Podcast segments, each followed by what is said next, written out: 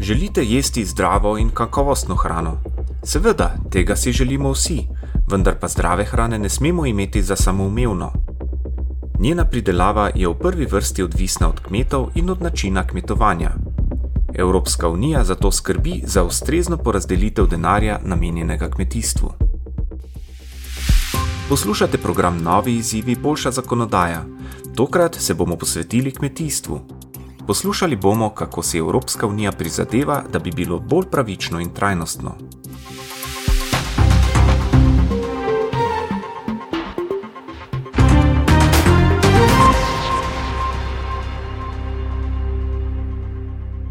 Kakšno kmetovanje si v prihodnih letih želimo v Evropski uniji?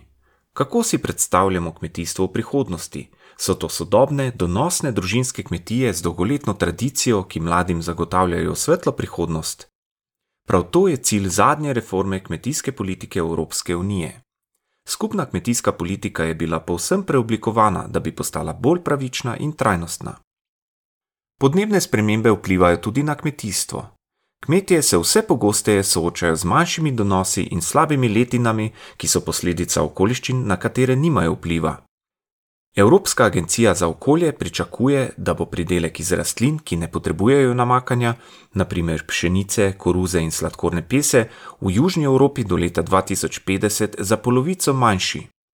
Evropska unija bo kmetom zato omogočila lažji dostop do nadomestil v primeru ekstremnih vremenskih pojavov, izbruhov bolezni živali ali rastlin ter napadov škodljivcev.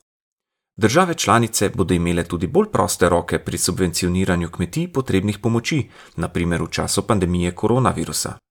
Kmetijski dejavnosti je torej namenjena zaščita pred posledicami podnebnih sprememb. Kmetovanje pa bi moralo k zmanjševanju teh posledic tudi samo prispevati. Da bi bilo to mogoče, so poslanci Evropskega parlamenta za obdobje petih let zagotovili sredstva, ki bodo namenjena projektom za razvoj podeželja s poudarkom na ekološkem kmetovanju in okolju prijaznih ukrepih. Kmetijskega sektorja pa ne ogrožajo le podnebne spremembe. Evropska unija mora ukrepati tudi zaradi gospodarske krize, ki jo je povzročila pandemija koronavirusa. Evropski parlament in svet Evropske unije sta se dogovorila, da bosta v naslednjih dveh letih zagotovila 8 milijard evrov pomoči za kmete, pridelovalce hrane in prebivalce podeželja. Okrevanje po krizi mora biti trajnostno, zato bo več kot tretjina sredstev namenjena ekološkim kmetom, ukrepom povezanim z okoljem in podnebjem ter dobrobiti živali. Svežen za okrevanje bo na voljo tudi mlajšim generacijam kmetov. Več kot polovica sredstev bo dodeljena zagonskim podjetjem mladih kmetov in naložbam v kmetije, ki prispevajo k odpornemu, trajnostnemu in digitalnemu okrevanju. A prihodnost kmetovanja se tu še ne konča. Evropski parlament, svet in Evropska komisija so se dogovorili o novem kmetijskem proračunu za naslednjih sedem let. Pot do dolgoročno bolj zelene in digitalne prihodnosti za kmetijstvo se je že začela. Parlament je poskrbel, da bo več kot tretjina proračuna za razvoj podeželja namenjena ukrepom povezanim z okoljem in podnebjem.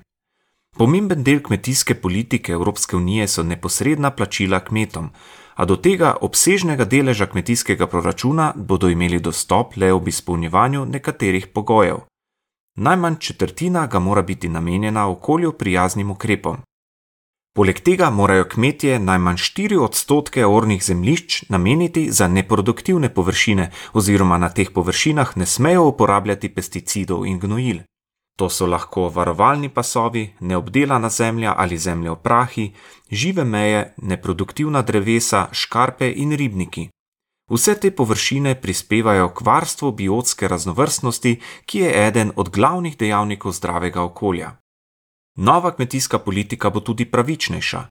Parlament je poskrbel, da bodo manj premožni kmetje dobili več sredstev, bogatejši kmetje pa manj.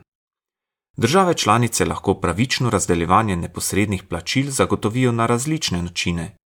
Desetino denarja lahko denimo porabijo za dohodkovno podporo za manjše kmetije, lahko pa določijo tudi zgornjo mejo 100 tisoč evrov na leto za plačila premožnejšim kmetom. Prihodnost kmetijstva od kmetov zahteva prilagoditve. Del denarja bo zato namenjen svetovalnim službam. Svetovanje bo osredotočeno zlasti na to, kako trajnostno upravljati s hranili, izboljšati dobrobit živali in kako se bolje prilagajati podnebnim spremembam.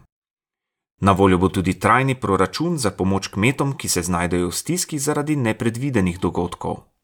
Parlament je v pogajanjih ustrajal, da lahko neposredna plačila iz programa prejmejo le aktivni kmetje. Do sredstev so zato upravičeni le kmetje, ki dosegajo minimalno raven kmetijske dejavnosti. Za izpolnjevanje tega pogoja morajo države članice določiti objektivna merila, kot so dohodek, vložek dela ali vrste storitev, ki jih nudi podjetje. Za kmete, ki so upravičeni do plačil, bo nova skupna kmetijska politika zelo dobrodošla. Evropska unija je poskrbela, da bo vsakdo dobil podporo, ki jo potrebuje za oblikovanje okolju prijaznejše in pravičnejše prihodnosti. Skoraj polovico površine Evropske unije predstavljajo kmetijska zemljišča. Uporabimo jih za pridelavo hrane in ustvarjanje novih delovnih mest. Izkoristimo jih.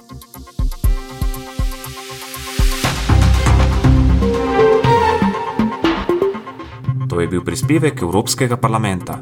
Več informacij je na voljo na našem spletnem mestu Think Tank.